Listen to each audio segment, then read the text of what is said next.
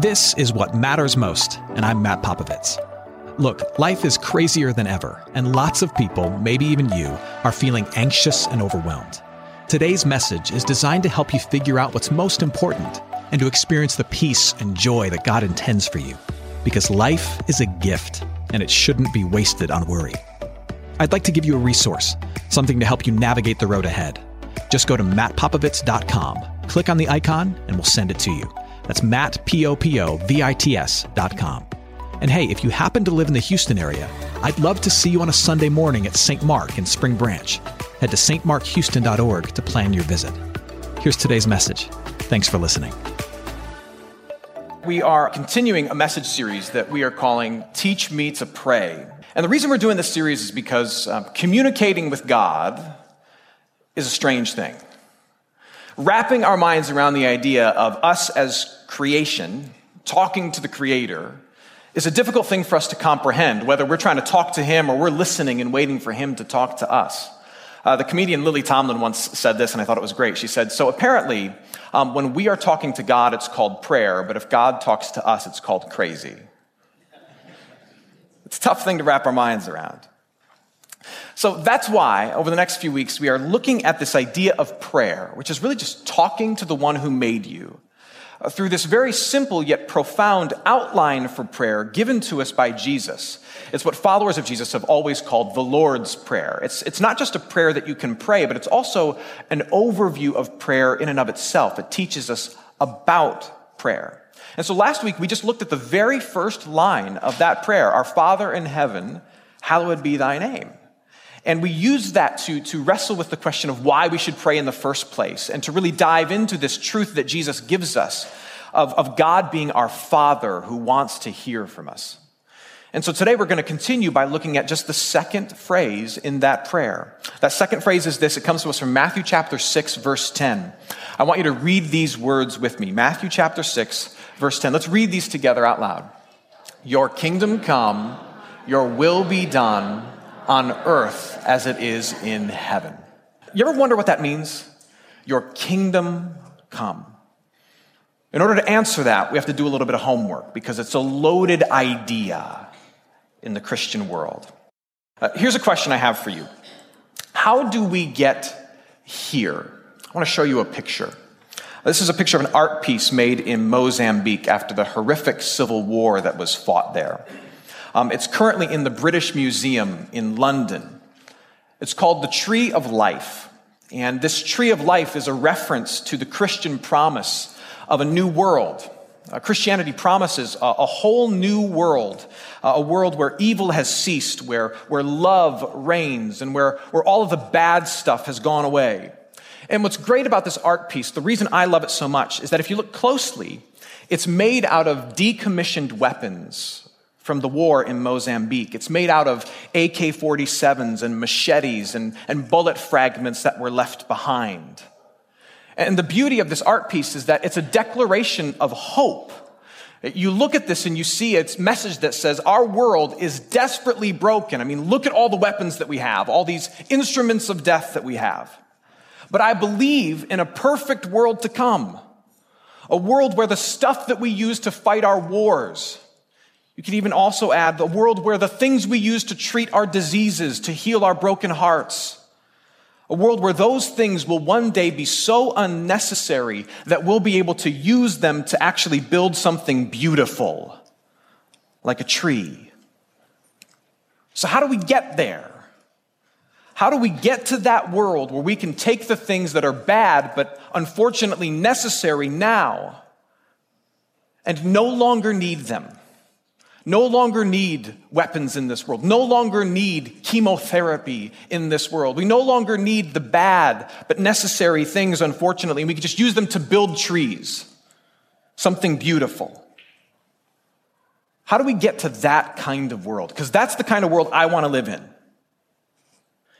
If we just got the right people into the right chairs and they made all the right decisions, would, would every problem be fixed? And, and I mean every problem. Would, would every marriage suddenly be a picture of faithfulness? Would every parent suddenly be full of patience and selfless love? Would greed suddenly be legislated out of existence? Would your workplace be filled with people who just can't wait for Monday? Would we finally be able to master our impulses rather than have our impulses master us? Would annoying things like, like people who chew their food really loud and people who put tiny dogs inside of gaudy purses finally disappear? Would, would young girls be able to scroll through Instagram, see someone else, and say, I still love my body and my face the way it is? Would troubled kids never again walk onto a campus and open fire? If we just got the right people into the right chairs and they made all the right decisions, would everything that's wrong in this kingdom suddenly be right? I think you know the answer to that question. Now, I'm not implying that Christians should somehow check out of that process. In fact, followers of Jesus, if you're here as a follower of Jesus, we are called to be active and engaged in those societal structures that God has put in place because God uses them and us, Democrats, Republicans, everybody, believe it or not, to make this world better. But what we're also called to believe is this truth that no human system will be able to make this place perfect. That instead, what the world needs is something altogether different, something altogether better to enter into this world, to come onto the scene and bring perfection with it. Because we aren't going to be able to do it. Now, that's important for us to understand because when Jesus enters the scene, when Jesus begins his ministry, you know, he's born into, born into the world in Bethlehem, and then he, he lives for 30 years before he starts his ministry as this teacher. And when he starts to teach, you hear him saying this one phrase over and over and over again that, that if you're anything like me, at first doesn't really make sense, but we hear him saying it over and over and over again. This is what he says, Matthew chapter 4, verse 17. Let's say these words together. Jesus says this The kingdom of heaven is at hand. Now, what in the world does that mean? You see, when we think kingdom, we think countries and castles. We think buildings and boundary lines. We think of a kingdom as a place. We think of, I think of the Lego castle I used to build as a kid that had this drawbridge that would go up and down. It was awesome. We think of a place. But Jesus, when he uses that word, what's interesting is that word for kingdom is not a noun, it's a verb. When he uses that word kingdom, he's not referring to the territory of a king or the house of a king. He's talking about the activity and the work of a king. So when Jesus says the kingdom of heaven is near, or when he says the kingdom of heaven is like this, he's not saying, hey, God's about to build a castle and it's going to be fabulous. What he's saying is, God's about to do his kingly work among us. He's going to do his, his reigning and ruling, helping and healing work among us. It's strange to our ears, but what Jesus is saying is look, the new administration has finally arrived. The ultimate leader who's going to fix the ultimate problems, who's going to make the bad things ultimately, completely, and fully right. The system that can do what our system can't has finally started to show up on the scene. Our president, no matter who it is, will always fail us, but there's a king who's making himself known, whose kingdom is emerging in this world in small but very certain ways, and it's fixing the real problems. That's what Jesus is saying. Remember how we said we need something different altogether to come onto the scene and fix the things we can't? Jesus is saying the thing that's different is coming onto the scene to fix the things that we can't. And what followers of Jesus believe is that since Jesus has arrived, that this kingdom flows through him. And that through Jesus, God has been sprinkling the world with the, the work of the king. So, for example, in the miracles of Jesus, we saw miracles of Jesus. He, he turned um, loaves and fishes into food for thousands. He walked on water. He, he healed diseases. In the miracles of Jesus, we saw a glimpse of the power of this kingdom working among us. In the teachings of Jesus, where he says things like, the meek shall inherit the earth, the first shall be last, the last shall be first, where he makes promises about tears being wiped from people's eyes. We got a glimpse of the truths of this kingdom, how this kingdom will operate. In the death of Jesus, we saw the love of this kingdom. We also saw how people enter into this king's family. Through the death of his own son, he pays for the, the wrongs in my life so that I don't have to be punished, but instead I can live as his son. You can live as his daughter, his child, in his kingdom, under his reign and his rule forever. And today we still see that kingdom working. It's in small ways, but it's happening. So today, whenever you see someone pulling their friend toward the love of God, the king is doing his work. Whenever you see someone released from a prison of guilt and shame through the message of Jesus' forgiving death on the cross, the king is doing his work. Whenever there's a young girl who sees herself not as, as straight or gay, but she sees her ultimate identity as forgiven and loved and a child of God, the kingdom is doing its work.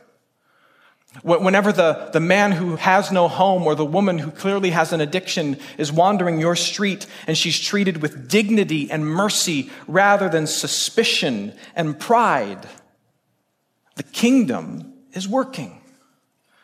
Whenever people decide to use their treasure, the treasure of their words, the treasure of their body, the treasure of their money, based on His kingdom values revealed through Jesus, which are countercultural, rather than simply what our gut wants or what, what BuzzFeed promotes or what our political party says, the kingdom is working. And certainly, whenever, whenever God's word is, is taught, whenever people are, are baptized into the forgiveness of Jesus, whenever the Lord's Supper is celebrated, as we'll celebrate it in a little bit, and people with all sorts of, of baggage and issues uh, encounter the absolutely free, um, totally all encompassing forgiveness and love of Jesus, whenever that happens, the real problems in this world are being solved, and the new kingdom, God's kingdom, is at work. And very slowly, but very certainly, through all of those things, Jesus is righting the ship of what's really wrong in this world. And it does not seem like much now. But the promise is that one day Jesus will return. And when he returns, this kingdom activity, the reign and rule of the Father who's over us all, that is experienced in very small ways and seen by only a few now, that kingdom activity will be seen by everybody and be experienced in all of its fullness, and that perfect world will finally be in place. Jesus will come back, and the kingdom that's, that's seen in small ways now will be experienced in full then. The new kingdom will be here and we'll be able to build the trees. The book of Revelation, chapter 21, puts it like this. Um, and the book of Revelation is, is not a scary book. It has nothing to do with Kirk Cameron, no matter what you've been told. It's a book of hope. This is what the book of Revelation is looking forward to when it says this I heard a loud voice saying, Now the dwelling place of God is with men and God will live with them. And they will be his people, and God himself will be with them and be their God. Here's a good promise for you to take to the bank. He will wipe every tear from their eyes. There will be no more death or mourning or crying or pain, for the old order of things has passed away. This is what Jesus means when he mentions the kingdom. He's saying that promise is slowly but certainly on its way to being fulfilled through me. Now, you might say, okay, Pastor Matt, I, am kind of following with you. That sounds really deep. It sounds, sounds kind of heavy. Um, but, but what does that have to do with prayer? I still don't understand prayer. Uh, what does Jesus mean when he says, pray like this Your kingdom come, your will be done on earth as it is in heaven? What do these things have to do with me and how I pray? think about it like this. So often when we pray, what's our starting point? If you're anything like me, my starting point in prayer tends to be my wants. I start in prayer and I talk to God with what, with what I want, what I feel to be my most pressing need. I have felt an urge. I have noticed a need in my life. And so I like, I just shoot off this order to God. God, make the annoying person go away. And that's not a bad thing. It's not a bad thing, but what Jesus is saying here, the reason the first thing he tells us to pray for is God's kingdom, is because that's not a bad thing to pray for your wants, but our top priority in prayer is to be his work. Hey, friends, it's Matt. If you're listening to us in Houston and you're looking for an excellent education in a Christian setting for your student, I'm inviting you to take a tour of St. Mark Lutheran School in Spring Branch. We serve infants through eighth grade with an excellent faculty, brand new facilities, and a faith forward curriculum. To schedule your tour, head to gostmark.org. That's G O S T M A R K dot org to schedule your tour today. St. Mark Lutheran School. It's excellent education for your son, your daughter, your little one. Now, back to today's message. Our top priority in prayer is not the wants of Matt, but the work of God. So if you're here as a follower of Jesus, this is kind of a call to maturity.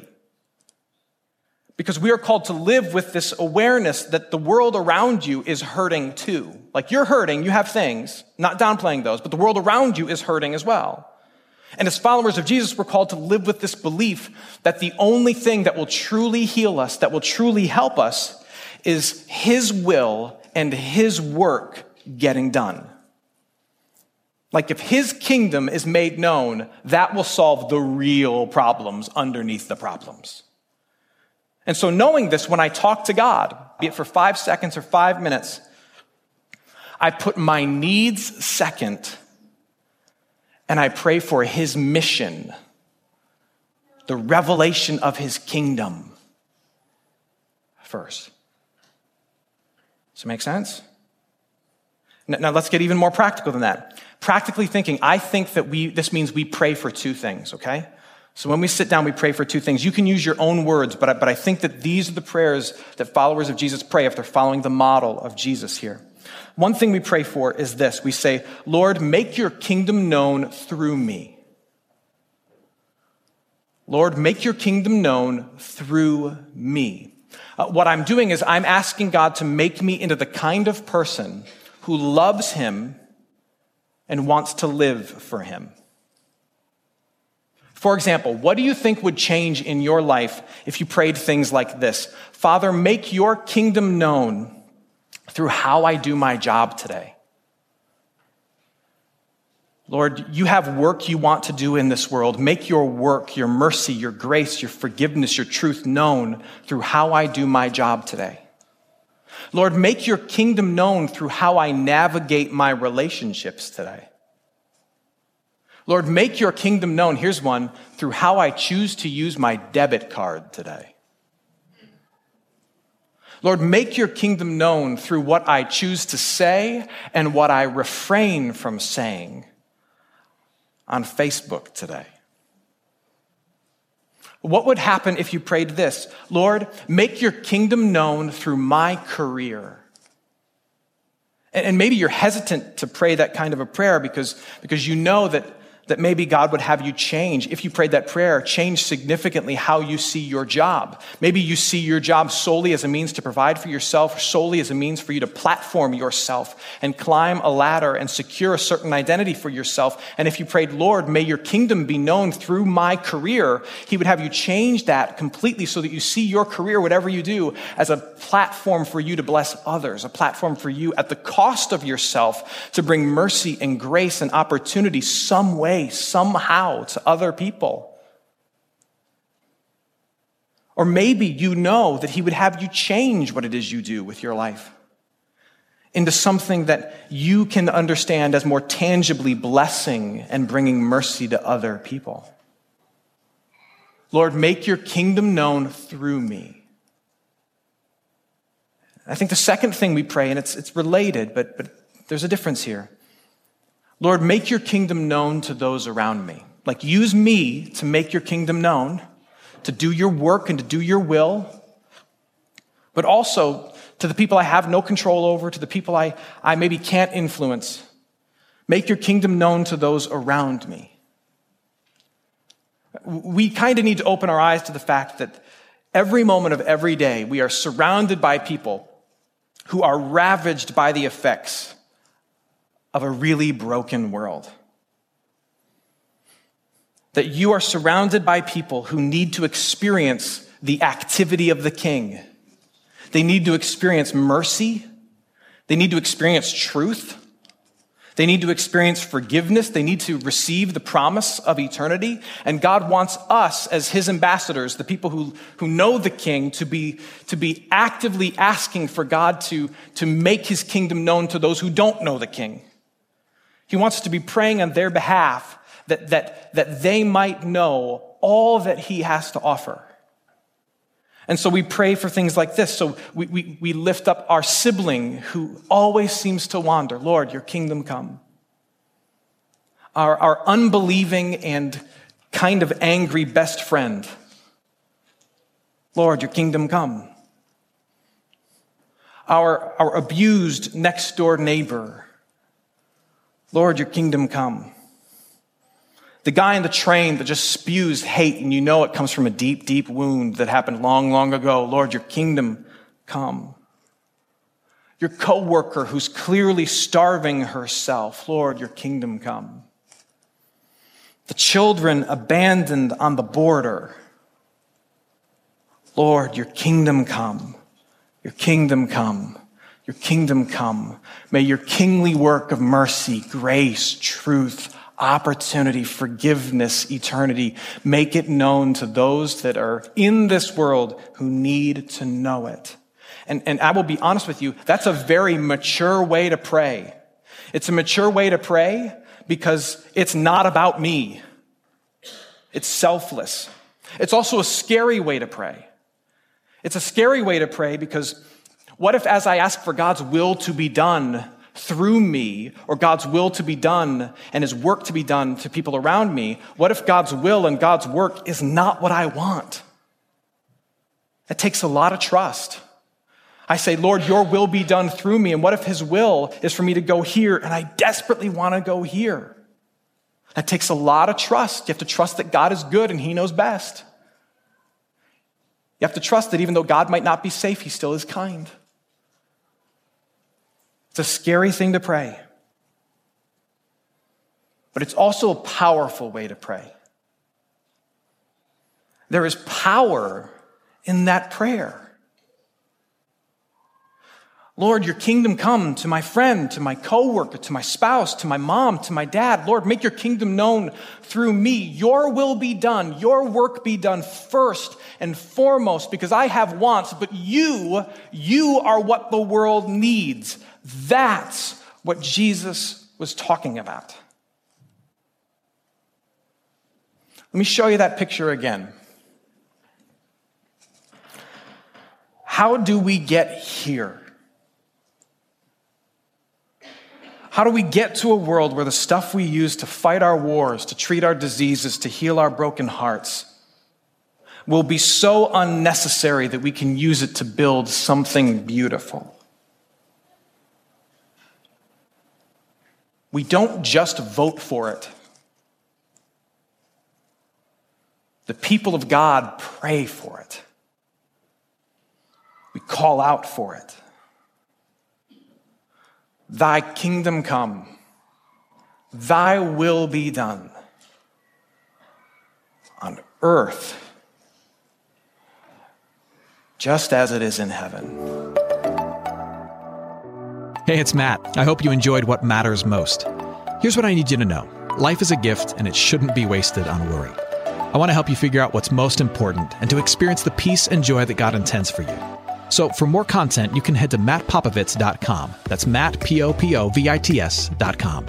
There, you can also support this ministry as well as access your free resource, a little something to help you navigate the road ahead. I'd also love to see you on a Sunday morning. If you're in the Houston area, head to stmarkhouston.org to plan your visit.